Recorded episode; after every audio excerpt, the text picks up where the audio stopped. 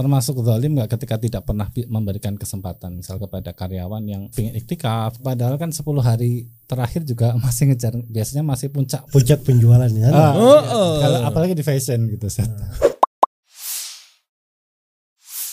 Assalamualaikum warahmatullahi wabarakatuh Ustaz. Waalaikumsalam warahmatullahi wabarakatuh. Oke lanjut lagi di takjil. Ini ada Mas Wildan kali ini Ustaz. Oh, Masya Allah. Jadi ada kesempatan buat nanya-nanya langsung ke guru kita Tentunya di program Ramadan ini bersama Ustaz Zulkarnain Sunusi Hafidhullah Ta'ala. Pengusaha brand yang saya pakai selalu insya Allah tiap podcast bajunya sama. Gimana Ustaz apakah ini bagian dari KKN Ustaz apakah nepotisme? Enggak dong kan kolaborasi gitu kan iya jadi tolong pemilihan menolong ya? tolong menolong, tolong menolong tahun. Nah, tahun. Masya Allah. Jadi gini kalau untuk usaha pengusaha lebih tepatnya ah. Eh, biasanya berbenturan sama 10 hari terakhir di bulan Ramadan mm -hmm. karena ya terutama yang misalnya masih startup ya kayak kasih solusi kalau Fatkiara kayaknya udah yes. udah lewat dari masa startup lah. Tapi kan tetap ya, kadang kita harus kontrol ke bawah. Betul. Iya gak sih? Iyalah, masih. Pegawai, hmm. ya kan apakah terhitung niat ketika pengen 10 hari terakhir tapi nggak bisa ngelakuin gara-gara mungkin harus dikontrol perusahaannya tetap dapat pahala apa enggak eh gitu-gitu mungkin ya coba ya, mungkin ya, ya. silakan Mas Yudan kalau mau bertanya ke Ustadz Zul Ya Ustadz Zul, eh, hmm. uh, jadi ini berangkat dari uh, apa semacam kegelisahan ya. Mungkin mewakili teman-teman pebisnis uh, yang ada di luaran sana juga. Hmm. Uh, satu sisi kita uh, datang bulan Ramadan uh, kepingin maksimal ya di 30 hari Ramadan, apalagi di 10 hari terakhir ada keutamaan khusus. Namun uh, kita yang belum autopilot gimana nih Ustadz itu? Satu sisi harus tetap ngawal oh. mereka gitu, okay. tapi satu sisi kan kita juga ingin mendapatkan uh, apa pahala yang berlipat ganda gitu. Masya Allah. Oh Fathiara belum autopilot ya? Udah Sama mendunia. kita bang. Sama ya. Ya ya, ya, benar, ya. benar. Monggo Ustaz, Fadal. Barakallahu Bismillahirrahmanirrahim. Alhamdulillah wa kafa wa salaman ala ibadihi alladhina istafa wa ala alihi wa sahbihi wa man iktafa ma ba'd. Di 10 malam terakhir ya. Mm -mm, betul Ustaz. Ramadan itu itu apa namanya malam mujahadah. Uh. Waktu-waktu mujahadah dan Ramadan semuanya mujahadah sebenarnya. Iya. Artinya orang lebih bersungguh-sungguh, lebih giat lagi uh, memaksimalkan dari segala kemampuan untuk menyambut kebaikan-kebaikan yang Allah siapkan di bulan Ramadan ini. Makanya di 10 malam terakhir itu dikatakan oleh Aisyah dalam hadis riwayat Muslim, karena Nabi sallallahu alaihi wasallam yajtahidu fil ashril awakhiri ma la yajtahidu fi ghairihi. Adalah Nabi sallallahu alaihi wasallam itu berijtihad, bersungguh-sungguh di 10 malam terakhir dengan kesungguhan tidak seperti di tempat-tempat yang lain. Ya. Ya. Dan kesungguhan Nabi Shallallahu Alaihi Wasallam di malam, malam terakhir itu itu terlihat dalam uh, ibadah-ibadah. Yang paling menonjolnya itu adalah sholat malam. Ya. Hmm. Karena di sholat malam itu dikumpulkan antara sholat, doa, membaca hmm. Al-Quran. Itu luar biasa ya berbagai ibadah ya. di dalam sholat tersebut. Ya maksudnya mujahadah itu itu inti hikmah dari Ramadan. Okay. Dari mana umumnya. Jadi mujahadah itu harus mewarnai kita. Jadi ada hal-hal dari kehidupan ini kita tidak bisa lepas darinya. Hmm. Ya seperti seperti yang disebut oleh Mas Wildan misalnya tadi hmm belum autopilot ya. Yes, iya, ada masih ada yang perlu di apa namanya kita harus kontrol iya, langsung. Kontrol, dikawal. Ya. Dan itu juga terkait dengan hal-hal yang kadang kita nggak bisa terlepas darinya. Mm-hmm. Ya mungkin kalau kita terlepas kasihan juga sebagian dari karyawan kita mungkin uh, kurang dari pembagiannya, tidak cukup untuk hari rayanya, iya. kan? Atau kadang uh, kembali ke kita juga mungkin sebagian dari barang-barang dan produk kita ini yang harusnya habis di Ramadan jadi numpuk-numpuk gitu kan hmm. jadi hal-hal yang seperti itu kan kadang terjadi dan kadang kita sulit untuk terlepas darinya cuma di situlah letak mujahadah ya pokok yang paling penting sebenarnya kita itu selalu berusaha untuk mendekati apa yang Nabi Shallallahu Alaihi Wasallam anjurkan karena itu Nabi Shallallahu Alaihi Wasallam bersabda, "Saddidu wa qaribu." Saddidu artinya berjalan kalian lurus gitu. Jangan bengkok. Sadid, lakukan tasdid. Kalau tidak bisa karibu, selalu kalian mendekat. Hmm. Ya, jadi memang ada tingkatan manusia itu tidak semuanya punya kemampuan sama. Sahabat saya tidak semuanya Abu Bakar Siddiq kan. Yeah. Tidak semuanya Umar bin Khattab. Umar yeah. saya tidak sampai ke kedudukan Abu Bakar kan. Yeah. Ya kan. Jadi sahabat yang lain belum tentu sampai ke kedudukan 10 orang sahabat dijamin masuk surga. Hmm. Jadi mereka juga berjenjang-jenjang di dalam hal tersebut. Tapi ada sebagian perkara yang bisa menyambung ya pada kebaikan-kebaikan itu. Nah, di antaranya itu mujahadah tadi, kesungguhan. Itu kan menyambung. Hmm. Terus di antaranya juga adalah kecintaan kepada kebaikan, kecintaan kepada agama. Ya, karena itu suatu hari Nabi Shallallahu Alaihi Wasallam berucap sebuah ucapan. Yang ucapan ini oleh Anas bin Malik kata beliau, saya gembira banget mendengarkannya. Sama seperti saya ketika masuk Islam, hmm. saya gembira banget mendengarkan. Karena Nabi Shallallahu Alaihi Wasallam bersabda, almaru ma'aman ahabba. Seorang itu bersama siapa yang dia cintai. Oh. Ya. Jadi kata Anas bin Malik, saya ini tidak sampai amalan saya dengan amalan Rasulullah amalan Abu Bakar, amalan Umar. Hmm. Tapi saya ingin dikumpulkan bersama mereka di sorga.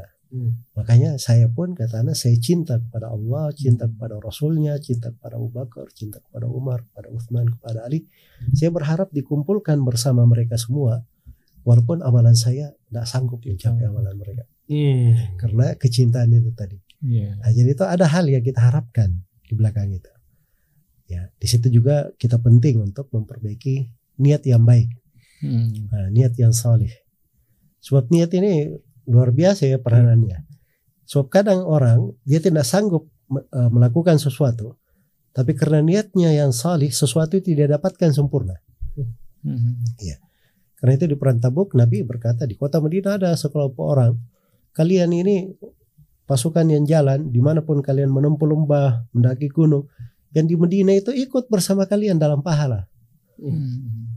Ya. Siapa mereka ya Rasulullah? Kata para sahabat. Kata Nabi mereka adalah kaum tertahan oleh udur. Hmm. Tertahan oleh udur. Misalnya apa? Sakit, jaga orang tua, apa gimana Zat? Kan Sehingga nggak bisa ikut perang. Waktu itu ada sebagian sahabat memang dia sanggup sehat, hmm. cuman ditugasin oleh Nabi menjaga kota Medina. Oh. Pergi semua kan, siapa yang menjaga kota iya. kan?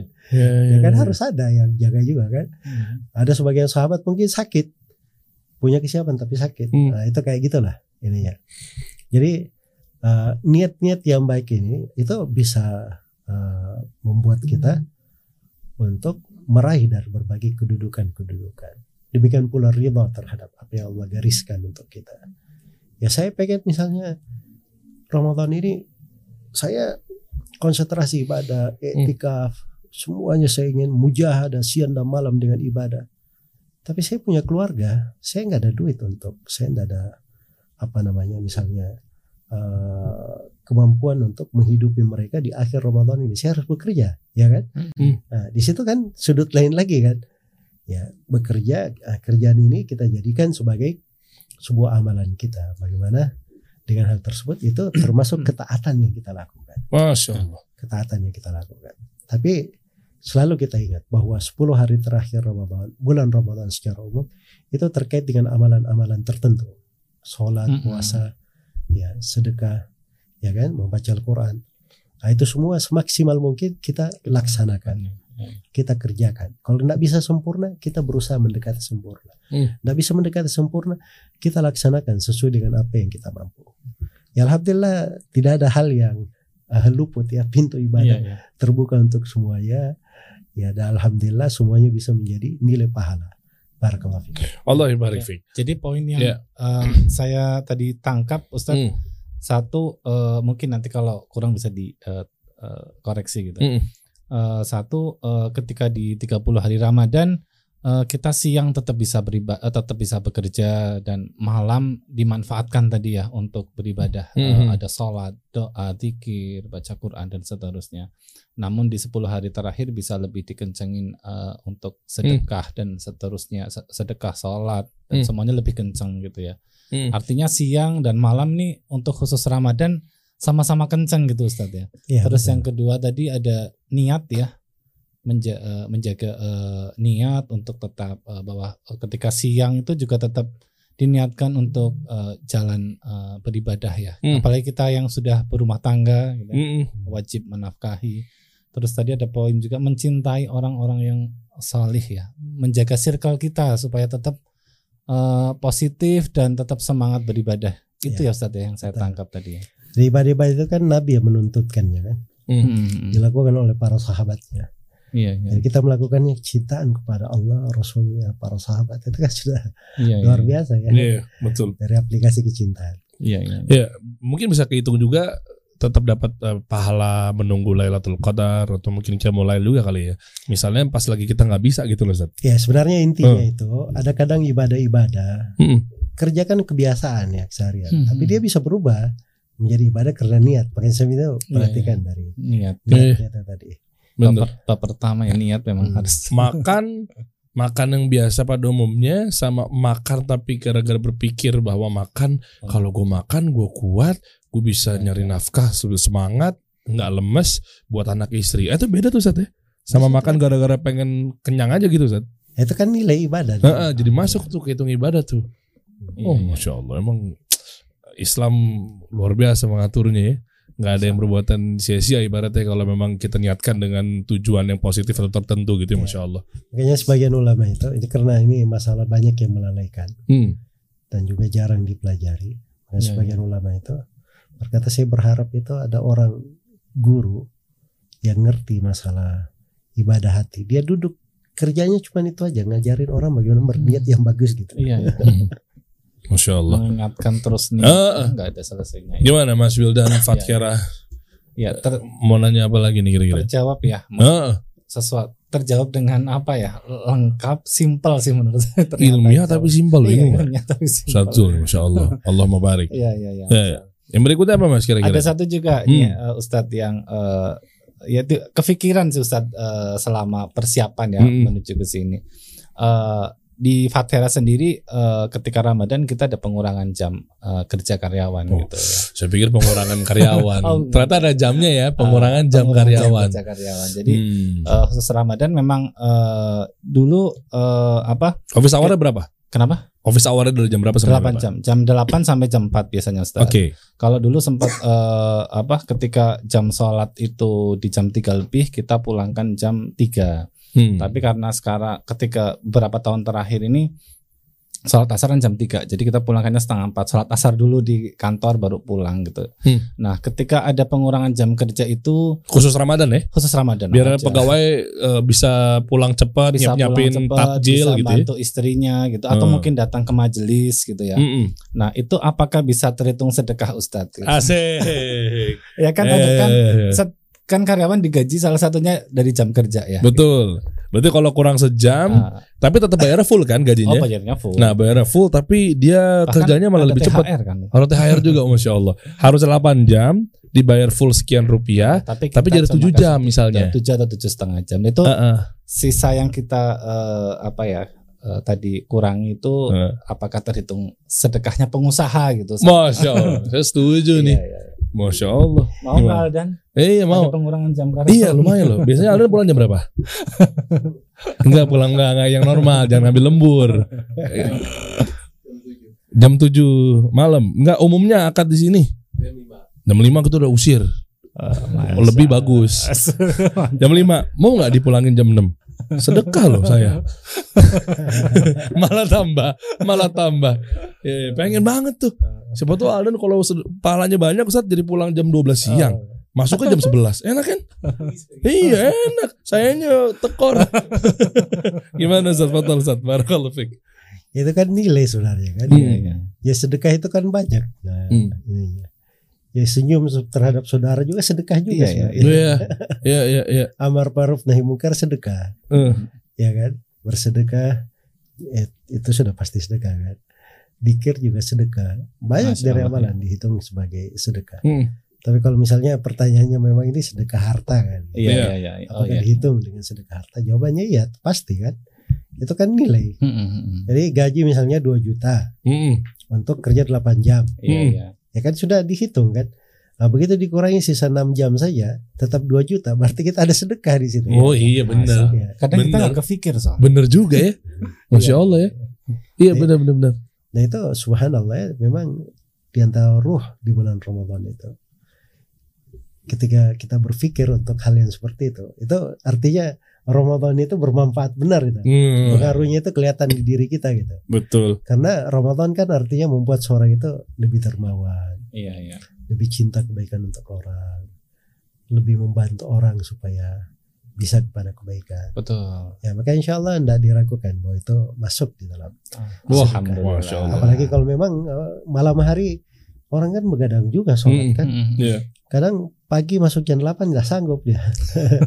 oh jadi masuknya dari jam Masuk 9. Jam 10, oh iya. Oh iya benar benar. Enggak masuk jam 10. Nanti pulangnya jam 2, 4 jam dia kerja. Iya iya iya iya. Benar juga ya. Atau benar Mas, eh, eh, bisa juga di belakang, bisa juga di depan. Tadi ya, ya. idenya Ustadz tuh Contoh, misalnya harusnya dicepetin, anggaplah sejam lah misalnya sejelekannya ya. Jam 4 dia pulang, tapi jadi jam 3 gitu kan. Yeah. Atau masuknya jam 8 tapi, tapi uh, jadi jam 9. Jam 9. Ya kan mungkin dia malamnya kan semalam suntuk kan. Wow. Tapi kalau di Qatar alhamdulillah di uh, bulan-bulan reguler selain Ramadan, hmm. kalau pagi juga ada uh, baca Quran sama sholat duha oh, sebelum mulai. Jadi Ramadan itu memang inspirasinya dulu hmm. ketika Ramadan 2017, hmm. terus akhirnya kita rutinkan di luar Ramadan. Masya Allah. sama ya Aldan nih, kasih solusi kalau pagi-pagi juga tetap kerja normal meeting. Yuk bantuin dong. Iya iya benar sama tuh kayak Fatihara begitu Aldan nggak pengen banget Masya Allah. Kan ada ada talim ya, talim rutin kan. Talim rutin di sebelah di selama bulan Ramadan di dalam studio kasih solusi ini. Ini lagi talim. ada ada Musa Triad Bajre. Ya, maksudnya. Maksudnya talim rutin itu juga bagus juga untuk pegawai. Iya. Alhamdulillah ada juga Ustaz, tapi sepekan sekali Ustaz. Iya, itu ya. bagus. Iya, betul. sebulan sekali juga nggak apa-apa. Sebab ah. itu sebenarnya bonus yang paling indah hmm. untuk pegawai Iya, iya. Kali ilmu kan. Iya, betul. Ilmu itu lebih mahal betul, dari betul. Ya, Masya Allah. Ya Senin tiap Senin Kada, ya. Insya Allah kasih solusi sama Ustaz Red Bajre di hmm, masjid eh musola kita pakai papan iya, tulis iya. gitu-gitu. Gitu. Nah, tapi terkait dalam hal tadi betul benar kalau hitungannya paling gampang 8 jam. Paling gampang 8 jam berarti misalnya 8 juta gitu ya. Misal gajinya 8 juta. 8 juta. Misal. Masya Allah. Iya, udah iya aja udah iya. nah, misalnya 8 juta, tapi kan jadinya kan jadi 7 jam, berarti kan ah. sama aja Mas Wilder sedekah 1 juta. Iya, betul. Misalnya setengahnya berarti berarti berapa? 7 setengah jam? Berarti sedekah 500 ribu satu orang. Satu Pegawai orang. berapa? Sekarang sekarang 25. Oh. iya, iya. Ya kan? 10 juta sedekahnya tiap bulan, Masya Allah. Masya Allah. Enggak tiap bulan sih Ramadan sekali. Iya iya. Iya kan? Berarti sebulan iya. setahun ya. Nah, masya Allah. Di Fatihara ada apa lagi kira-kira yang mau ditanyakan ke Ustadz? Uh, ini kalau tadi versi pengusaha Ustadz, uh, ini versi karyawan itu. Oh, Mungkin oh. saya saya ngerasain aja sih ketika uh, sebagai pengusaha tadi merasa uh, bahwa kita juga kepingin maksimal di Ramadan di 10 hari terakhir Ramadan. Pasti karyawan juga sama kan Ustadz gitu kan sama-sama manusia sama-sama oh, hamba iya. Allah gitu. Iya, iya. Uh, termasuk zolim nggak gitu ketika kita misal tidak pernah memberi kesempatan mungkin misal suatu saat uh, kita sebagai pengusaha ad, uh, punya kesempatan bisa iktikaf gitu misal atau hmm. apalagi di hmm. uh, Mekah Madinah misalnya gitu ya. Masya Allah uh, uh, termasuk zalim nggak ketika tidak pernah memberikan kesempatan misal kepada karyawan yang mereka juga pasti juga kepingin gitu Ya itikaf. Iktikaf. Ya iktik, iktikafnya sih fokus ke iktikafnya. Oh, oh. Padahal kita, kita liburin gitu. Ya padahal kan eh, padahal kan 10 hari terakhir juga masih ngejar biasanya masih puncak-puncak. Enggak apa-apa lepas aja. Emang mau tutup buku, omset, target belum hijau, enggak apa-apa buka aja. Ya, malah puncak penjualan ya. Ah, oh, iya. oh. Kalau apalagi di fashion gitu. Nah, Semuanya kan bersiap untuk hari raya kan. Oh iya, iya betul. betul pasti sibuk tuh nyarinya. Ya itikat di masjid aja masih sibuk nyari juga. Bener lagi. Jangan dalam masjidnya guys, luar dikit. Mau belanja belanja dalam masjid lagi ente ntar buat, buat, buat baju baru kan alhamdulillah. kita lihat kan. Uh. Jadi uh, sebenarnya begini. Jadi kalau kita beri waktu libur ke karyawan di 10 hari terakhir, dia mungkin etika mungkin tidak kan. Hmm. Oh iya iya. iya. Jadi kalau mau ini dikerucutkan aja siapa yang mau itikaf misalnya. Jadi program gitu ya, nah, Siapa yang mau itikaf? Uh, uh, setiap Ramadan saya beri kesempatan 10 orang dari 25 misalnya. Iya, iya, Kasih kesempatan 10 orang aja itikaf. Hmm. Tapi dia tetap dikasih gaji nih. Nanti Ramadan tahun berikutnya bukan jatah kamu sudah berubah jadi jatah yang lain lagi. Iya, giliran gitu. Giliran bergilir. Iya, iya. Nah, itu kan bagus kan? Iya, iya. Tapi kalau nggak diberi itu kan cuma kadar tambahan kebaikan dari kita. Hmm. Nah, itu enggak mesti.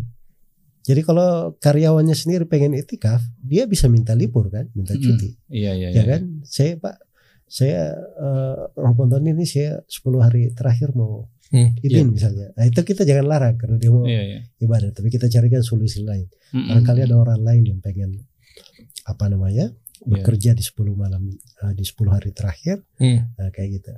Hmm, iya, Jadi iya, betul, betul. begitu aja cara cara memanagenya secara umum kita tetap cinta kebaikan untuk orang lain hmm.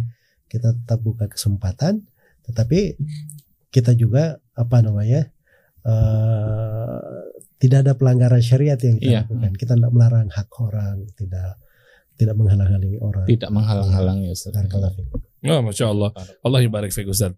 Tapi gini ya, eh, nama ini ya, Mas Wildan ya. Hmm. Jadi kalau ngomongin pegawai itu kan gak lepas dari THR, apalagi kalau di 10 hari terakhir Ramadan gitu Ustaz ya kan?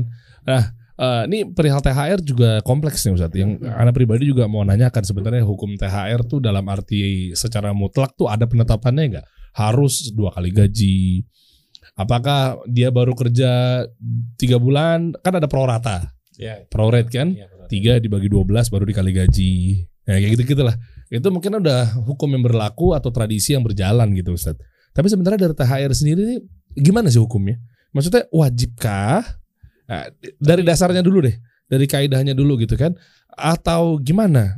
Nah, uh, atau sekedar kayak hadiah aja, apresiasi aja itu udah terhitung THR Ustaz. Kan kadang template itu dua kali gaji soalnya. Tapi kan ada undang-undangnya. Iya, iya, iya. Itu itu betul-betul. Kita memang betul taat sama pemerintah. Ini uh, di luar dari peraturan, peraturan pemerintah. Iya, iya, iya. Dari hukum Islam itu sendiri Ustaz. Maksudnya kalau memang pemerintah bilang seperti itu mewajibkan, oh iya loh, samina wa ta'na kita sama pemimpin kita kita salurkan hak sesuai dengan aturan undang-undang yang berlaku di negeri ini terkait ketenaga kerjaan gitu ya. Tapi dari hukum Islamnya dulu sendiri Ustaz. Bagaimana Ustaz? Oke, jadi secara apa namanya? hukum hmm. itu kembali kepada akad kerja kita. Oke. Okay. Hmm, iya, kalau iya. di akad kerja kita itu ada, maka itu dimasukkan. Okay. Kalau tidak ada, maka tidak ada kewajiban atas kita. Tapi sepanjang hmm. itu ada arahan dari pemerintah, hmm.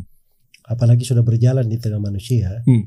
asalnya kalau misalnya ada yang kerja. Kita tidak pernah bicara di awal akad ada THR. Hmm, hmm, iya. Tapi begitu jalan karena kebiasaannya juga sudah seperti itu dan pemerintah mewajibkan kita wajib ngeluarin THR walaupun iya. di awal kita dari pembicaraan THR. Ah, itu sudah urf berjalan. Ya. Oh, ya, itu hati-hati tuh. berjalan. Iya, iya, iya. Ya, jadi makanya kalau sudah tahu seperti itu harusnya kita sendiri dari apa namanya manajemen penggajian itu sudah hmm. ngatur, sudah yeah, memperhitungkan. Masalah jawabannya singkat iya mantap ya jelek langsung ya iya, iya. kena akad sama Iya dari akad. Ya memang kalau dari hukum Islam sendiri, iya urf budaya setempat yang berjalan. Pemerintah mendorong juga ya. hmm, ya. Iya, iya. iya, Tapi memang pada dasarnya secara, secara hukum Islam ya tergantung akad ya saatnya. Kalau kalau di negara-negara lain yang usah tahu, kan Ustaz kan sering berhubungan sama negara-negara Timur Tengah gitu kan, uh, Saudi misalnya itu gimana Ustaz? Ya jadi negara-negara itu setahu saya kebiasaannya itu berbeda-beda kan. Hmm. Jadi akad itu uh, sesuatu itu kadang terkait dengan akadnya, hmm. kadang terkait dengan kebiasaan yang berjalan. Hmm. Kebiasaan berjalan itu dua macam, ada keberjalan umum, ada yang khusus pada sebuah kerjaan tertentu saja. Oke. Okay. Jadi pada dua keadaan umum maupun keadaan khusus di keadaan tertentu itu tetap berlaku. Hmm. Ya karena di makanya di kaidah fikih besar itu salah satunya berbunyi al-ada muhakkamah kebiasaan itu itu hukum yang yang diterapkan yang berjalan mm -hmm. Iya. Nah, masya Allah. Clear. Ada lagi Mas Yuldan. THR aman ya? Udah diatur deh. Uh, uh, bagi pusing-pusing atau biasanya? sebelum lebaran. Iya, udah nggak usah diingetin. saya tahu kok. Apal, saya apal, apal saya insya Allah. Iya. Mm -mm. Satu lagi, uh, satu lagi ya, satu poin mm. lagi tentang uh, zakat, zakat, uh, zakat niaga maksudnya, zakat perdagangan. Gitu. Haul. Kan, ya pebisnis kan nggak lepas tuh ya dari hmm. ketika sudah berjalan terus itu kan pasti aset bertumbuh gitu, yeah. dan mencapai ha, uh, apa nisab gitu dan hmm. ketika sudah haul wajib kita mengeluarkan zakat uh, niaga tadi gitu. yeah. uh, ada nggak sih Ustadz uh, kisah inspirasi dari para sahabat gitu dalam pelaksanaan uh, zakat niaga ini kadang kan cerita-cerita uh, dari sahabat ini kan uh, apa ya uh, uh, kurang banyak terekspos hmm. terkait dengan uh, pengamalan zakat uh, niaga ini. Gitu. Mungkin Ustadz bisa memberikan contoh hmm, iya, supaya iya, kita bisa jauh lebih apa ya mendalami sih gitu, yeah, yeah, kita yeah. mengamalkan. Yeah. Oh, oh ternyata sahabat uh, seperti ini nih. Gitu. Iya benar apakah Abu Bakar Siddiq radhiyallahu anhu uh, itu memberikan seluruh hartanya itu terhitung dari zakat yang itu hmm, atau zakat yang mana gitu kan? Atau Abdurrahman bin Auf yang terkenal hmm. sebagai uh, pengusaha gitu. Ya, hmm. pengusaha. Hmm. Ya gimana Ustaz? Baik, jadi zakat itu terkait dengan empat harta ya. Hmm. Hewan ternak, kemudian emas dan perak, hasil bumi, hmm. dan keempat ini disebut dengan nama urudut tijarah. Hmm. Nah, inilah zakat perdagangan atau zakat perniagaan. Iya, iya. Ya, urudut tijarah ini itu uh, dasar pokok tentang aturan dan sebagainya itu datangnya dari sahabat. Hmm. Dari Ibnu Umar radhiyallahu taala. Iya, iya, iya radhiyallahu taala anhuma ada beberapa sahabat yang lain dan tidak ada silam pendapat di tengah para ulama hmm. tentang hal tersebut. Jadi maksudnya itu hal yang dimaklumi makanya sahabat itu hmm. memberikan fatwa menjalani karena hal yang mereka sudah terima dari Nabi Shallallahu Alaihi Wasallam. Jadi mereka itu bukan sekedar menerima hukum saya, hmm. ya mereka menerapkan, mereka tahu, uh, makanya mereka ngerti sekali bagaimana cara uh, penggunaannya. Ya, jadi kalau itu sudah terlihat dari para sahabat. Ya apalagi tidak ada silam pendapat di tengah hal tersebut. Itu menunjukkan bahwa itu adalah hal yang dimaklumi. Memang sudah berjalan yang, di sudah semua berjalan, para sahabat itu ya, Ustaz, ya, ya. sudah berjalan hal yang dimaklumi. Jadi uh, sedikitnya misalnya kita dengar kisah-kisah tertentu tentang hal itu, hmm. itu terkait dengan kekurangan kita saja iya, di iya. dalam karena memang mereka udah menjalani rutin gitu ya. Iya, makanya itu kan sudah iya, ada iya, di sudah maklum gitu ya. Hukumnya kan. Iya, iya, iya. Jadi itu sisa perlu kita dengarkan aja histori dari para sahabat. Iya, iya. Itu ditulis buku berjilid-jilid itu tentang kisah hidup para sahabat baca. itu. Kita yang kurang baca sih. Wah, ada stat ya. Iya. iya. iya. Masya Allah, Masya Allah. Ada lagi Mas Yuldan. Uh, tentang pengamalannya ini. Uh -uh. Uh, ya kita juga pernah gitu, pernah melakukan, tapi ingin mendapatkan penjelasan dari Ustadz lebih mm. lengkap gitu. Uh, kan ada mungkin satu kondisi ya, uh, misal uh, kondisi keuangan kita, oke okay, secara aset sudah memenuhi uh, apa nisab gitu untuk bayar zakat. Namun uh, dalam bisnis kan ada lapor, laporan neraca, kadang kan ada oke okay, asetnya gede tapi ternyata cashnya kecil karena hmm. duitnya banyak berputar di produk gitu. piutang piutang nah padahal hmm. membayar zakat itu kan tidak boleh ditunda ya Ustaz ya itu nah oh uh, uh, iya kan kalau udah jatuh harta kita di jadinya liquid Uh, iya uh, dalam non, bentuk non liquid. Eh non liquid. Non ya, ya, ya, dalam bentuk inventory gede. Nah, iya inventory. Satu sisi kita juga masih butuh cashnya gitu mm -hmm. ya, hmm, masih hmm. butuh uh, uang yang tunai gitu. Tapi uh, kita juga harus didorong mengeluarkan uh, apa zakat segera gitu. Nah, boleh iya. nggak. Ustadz uh, membayar zakat uh, perdagangan ini dalam bentuk misal di kombinasi gitu dalam bentuk stok of dalam, dalam bentuk uang sama stok gitu sama-sama produk gitu yeah, dan yeah. menghitung produknya ini dari mana yeah. dari harga jual apa dari harga pokok produk itu sendiri oh gitu. iya benar juga ini iya. buat pengusaha yang kalau di jasa mah nggak ada HPP ini ada listrik komputer oh, iya. laptop oh, ads overhead iya sih benar iya, juga ya. Ustaz, ya boleh nggak tuh dalam bentuk barang, barang iya. karena uang pengusaha tuh kalau memang brand baju tuh ke situ lari iya. duitnya tuh. Dan dan mungkin bisa juga mungkin secara proporsi uh, wajar wajarnya seperti apa gitu. Ya, Ketika ya. harus uh, tidak seluruhnya dalam bentuk uang gitu. Apa eh, boleh kali saya kan anak lihat di masjid-masjid kadang sukanya pakaian gitu ya. Bukan ya? Beda ya satu. Kasih pakaian gitu. lah ya itu makanya iya, kan? penerapannya yang baik gimana nih kan. Mungkin dari Ustaz iya, ada. Anda pernah lihat di masjid Solo. iya, iya, ngasihnya iya, pakaian. Iya, Bukan. mungkin orang ngasih pakaian, tapi apa gitu zakat atau sedekah? Ah, itu. eh, anda nggak mau nyebutin nama masjidnya lah. Anda pernah lihat mau sholat situ pas sudah mau detik-detik terakhir mau oh, pas lebaran, pas pulang kampung ya. Pasti ya, ya, ya di masjid dekat rumah mertua iya. tuh. Eh, kok ada baju? Astagfirullah. Huh? Baik, jadi begini ya. Ada beberapa hal mungkin. Yang hmm. pertama itu itu di pembahasan zakat itu. Para ulama sebutkan seorang itu menghisap dirinya hmm. zakat itu seperti seorang yang sangat kikir menghitung duitnya. tahu gak sebenarnya iya, iya. Rezayat kicker gitu dit ya kalau bahasa di kampung saya kalau kita punya orang tua gitu dianggap kikir ya itu dibilangin ini bapak ini duit dua puluh lima rupiah aja dia tahu itu. Hilang atau tidak? Iya iya. Iya iya itu bahasa, kita ya. bahasa kita jadi maksudnya uh, bahwa seorang yang menghitung zakatnya itu dia betul-betul kikir terhadap dirinya harus dia hitung. Ya. Sebab ini masalahnya hak orang yang betul. Ya, ya. Ada hak Allah, ada hak manusia, di situ.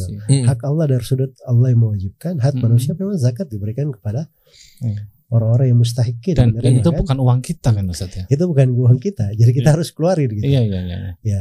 Itu sudut yang pertama. Sudut yang kedua, ini langsung terkait dengan pertanyaan ya. Hmm Eh, para ulama ahli fikih sebutkan bahwa zakat perniagaan itu itu terkait dengan nisabnya dan hmm. terkait dengan jumlah yang dikeluarkan sama dengan zakat pada emas dan perak. Hmm. Oh, ya. Jadi yang dikeluarkan itu adalah nilainya. Nilai. Ya. Dikeluarkan adalah nilainya. Ya kalau dia misalnya uh, emas dan perak kan memang nilai kan mm-hmm. waktu itu sebagai uh, untuk pertukaran kan mm-hmm. oh ya. iya, iya. Jadi yang dikeluarkan itu kan 2,5 persen. Betul. Atau bahasa lainnya seperempat puluh. Mm-hmm. Yeah, yeah. Bahasa lainnya gitu. Nah, sekarang sisa kita hitung nilainya barang itu. Kita keluarkan dalam bentuk nilai, bukan dikeluarin dalam bentuk barang. Hmm. Nah, hmm. itu ketentuan di zakat perniagaan. Ya, ya. Jadi kita nggak keluarin dalam bentuk barangnya, nah, nggak ada barang yang kita keluarin. Tapi yang kita keluarin nilai. Nilai itu itulah uang yang dikeluarkan. Nah, jadi kalau kejadiannya seperti tadi, uh, ini banyaknya di barang yeah. karena stok hmm, ya, hmm. sedikit di uang, sedangkan uangnya harus dipakai. Uh, sudah jatuh kewajiban zakat. Nah, di sini itulah ada yang dibahasakan oleh para ulama. Ada orang yang berhutang zakat dia memang duit nggak ada tapi dari sudut perniagaan dia dia ada kewajiban zakat mm-hmm. nah, begitu jatuh tempo kewajibannya mm-hmm. duitnya tidak ada maka dia hutang terhadap zakat itu oh. ada di di tanggung jawab yeah. untuk dikeluarkan ya sisa pilihannya kembali ke kita aja ya uang yang sedikit itu misalnya sudah ada uang tapi kita perlu di sektor lain yeah. misalnya mau disegerakan kita bayar itu lebih bagus mm. ya kalau misalnya wah ini darurat ini membahayakan bisnis saya dulu sementara uh, saya fokus dulu untuk apa namanya modal lagi untuk hmm, ini baik. nanti insya Allah penjualan ini akan pasti ada hasilnya kita undur sedikit nah, oh, itu boleh aja boleh, ya, ya. boleh aja iya, karena iya. memang uh, kondisi darurat ya mengharuskan iya, iya, iya. tapi pada dasarnya ketika sudah jadul uh, apa namanya kewajiban, kewajiban ya kewajiban itu dilaksanakan sesegera mungkin. Itu yang paling oh, bagus. Iya, iya. Jawaban. Iya, Allah ya Ustaz. Jadi ya hal yang sifatnya wajib ya jangan ditunda-tunda. ditunda Iya. Tapi ketika tadi ada darurat misal iya. uh, apa tidak mencukupi atau ada kebutuhan di yang lain harus iya. itu berarti hutang zakat gitu iya. ya. Iya. Kayak saya bilang ada gitu saya ya. sengaja munculin kata boleh hutang zakat iya, itu. Iya, iya, Karena orang kondisi pebisnis itu kita tahu iya, ada iya. waktu-waktu iya, iya, duit iya. itu nggak bisa keluar. Betul, betul, betul, ya, kalau dia keluar itu membahayakan bisnis dia. Hmm. Iya, mudorot malah jadinya pegawai jadi nggak digaji, iya. stok jadi berantakan sehingga kan numpuk. Iya, iya, iya. Jadinya kita malah kewalahan nanti gimana kita nggak punya duit tadi, ah jadi mana-mana ya begitu ya. Iya, Masya Allah clear banget. Eh, alhamdulillah ya. Masya Allah ya. Masya Allah ya. Ada Sebenarnya, sebagian pebisnis ya, dia sengaja nyari Ramadan untuk ngeluarin zakatnya. Hmm. Itu sebenarnya kebiasaan bagus ya di tengah umat Islam.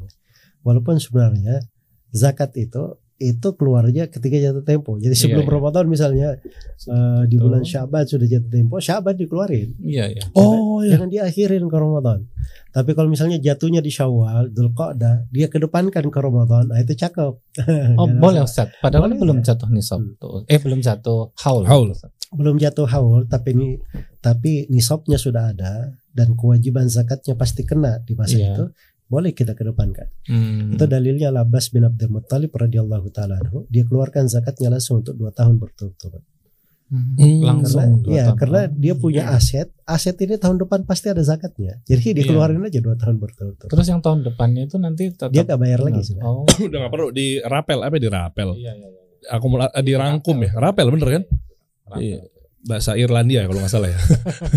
Digabung gitu. Masya Allah. Nih mungkin terakhir nggak uh, tahu Mas Julian masih ada yang mau tanyain? Uh, Mas Dede. Enggak, enggak apa-apa kalau misalnya masih ada. Ya, ini sebenarnya ini agak keluar tema dari ya. tentang usaha, baju dan seterusnya sistem. Ya memang belakangan ini kita belum sempat kebahas sih. Karena memang banyak banget narasumber yang datang ke sini kan sesuai dengan profesinya. Hmm. Nah, bahkan pengerucutan ke fikih puasanya, Anda pengen nanya ini Ustaz. Ya, dikit deh Ustaz. Misalnya masih banyak juga keraguan dari teman-teman kita yang terkait ngekodok puasa, ngeganti puasa, atau mungkin yang haid.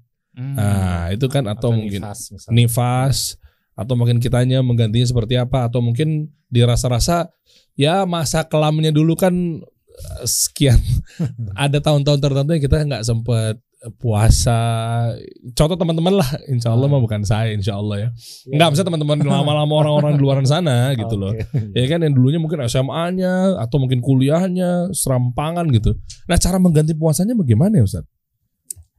Nah itu yang ada silang pendapat yeah. para ulama apakah puasa yang dia tinggalkan secara tidak sengaja itu bisa diganti atau tidak bisa diganti. Iya. Sebagai hmm. ulama berkata itu nggak bisa diganti. Nah, terus kewajiban dia telah luput waktunya.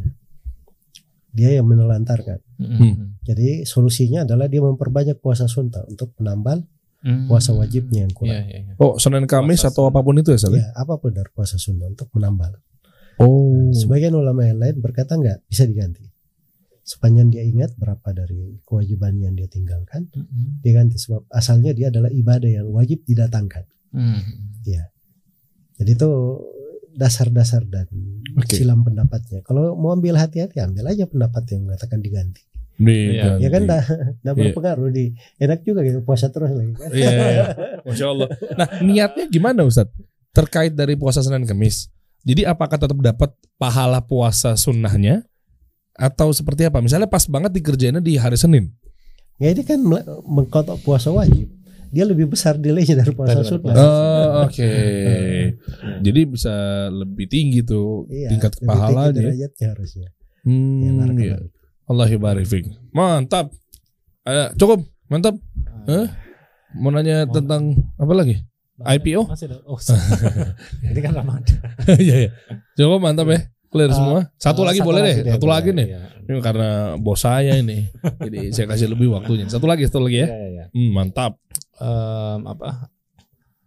Terkait tadi sih yang uh, zakat uh, niaga tadi, zakat perdagangan. Hmm. Uh, uh, pernah sih dari pengalaman saya sendiri gitu dulu ketika uh, pembukuan belum rapi gitu ya. Hmm. Itu kan atau kita masih juga masih fokus di uh, apa? Ya merintis gitu yeah. ya. Itu hmm. kelewat kan uh, apa oh, nggak iya. bayar zakat. Ya, ya, ya, ya, ya. akhirnya pada satu titik kita kumpulin tuh dengan perkiraan gitu ya. ya Hitung-hitung kayak tadi lah nggak puasa uh, ini nggak bayar nggak bayar zakat. Iya benar. Gitu. Apakah nah, uzur Ustaz? Apakah nah. nggak apa-apa nggak ngeluarin zakatnya atau dipaksa-paksa ngitung-ngitung gitu? Kalau kemarin sih kita paksa ngitung sih uh, uh. dengan perkiraan gitu ya dengan kira-kira lah yang kira-kira aman. Itu bagaimana dan bagaimana juga buat pengusaha yang uh, mungkin sampai saat ini masih uh, belum care masih ya dalam tanda kutip lalai gitu terhadap atau nggak perhatian nih acuh terhadap zakat perdagangan gitu kan. Iya. Karena kan kadang kita fokusnya ke pajak gitu kan. Hmm. Fokusnya ke apa yang lain-lain lah biaya-biaya uh, yang keluar di bisnis gitu atau hmm. belanja aset atau apa gitu. Ya, Gimana Ustaz? Jadi itu pertanyaan bagus sekali ya. Hmm. Memang banyak sekali yang perlu. Yeah. Terkait dengan pertanyaan ini. Jadi uh, saya tadi munculkan ya. Jadi kalau belum dia belum bayar zakat itu masih ada, ada. nih kewajiban di atas pundaknya. Ya, hutang zakat. Ya. Hmm. Kewajiban di atas pundaknya harus dia tunaikan. Ya. Ya jadi hutang sepanjang dia belum bayar seumur hidupnya dihutang gitu. Ya Allah. Karena bukan uang kita kok ya tadi. Iya dia kan tahu bahwa itu ada zakatnya di situ. Dia tidak keluarin. Iya ya kan? Iya, iya. Nah, sepanjang dia tahu jumlahnya nilainya berapa maka dia keluarkan. Jadi tadi langkah yang diambil kan sudah bagus, dibuat perkiraan, diambil hal yang amannya kemudian dikeluarkan. Mm-hmm. Nah itu cakep banget sudah, masya Allah ya. Jadi kita juga harus berhati-hati juga kan. Mm-hmm. Ya kadang dihitung-hitungan ini ada yang kayak wah anggap aja kita kira-kira kok selebihkan gini udah aman mm. banget. Ya. Nah itu kalau dilebihin gitu gimana sih? Maksudnya aduh bener-bener blank lupa.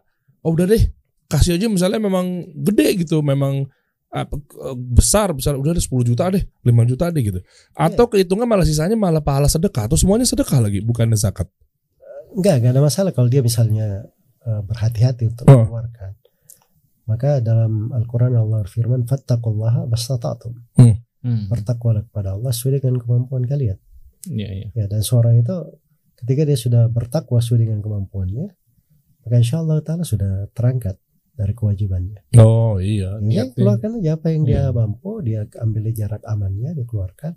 Ada lebihnya, ya pasti tetap tercatat kebaikan untuk dia. Iya, iya. Hmm. Apakah dihitung sedekah atau dihitung zakat, nah, itu pembahasan lain lagi. Iya, iya. Hmm, itu panjang juga itu urusannya itu sih. Nah, satu kali waktu bahas ya. masalah zakat. Iya, benar tuh. Perdagangan tuh. Boleh lah, insya Allah kita iya. coba pola-pola kotak-kotakin ah. per industri aja tuh. Iya, iya. Ya, Musat masih mau mampir semangat terus aja tuh. Support kawan-kawan kita di sini saatnya. Masya Allah, syukran Ustaz. Iya, iya. Jazakallah khair. Fatkira kira-kira ke depannya ada promo baru apa nih produknya? Ini ngeluarin produk baru ini kan? Eh, logonya berubah. Udah keluar Bang Deddy. Yang paling baru? Brand ambassador belum eh, ta, belum dapat belum dikirimin yang ini. BA masih belum dikirimin. Apa udah tapi nyangsang di mana ya? Ah, bisa jadi itu. Eh, jaketku yang biru ketinggalan lagi. Nanti minta dikirim ya. Hilang. Informasi terbaru teman-teman cek aja di deskripsi di bawah ya.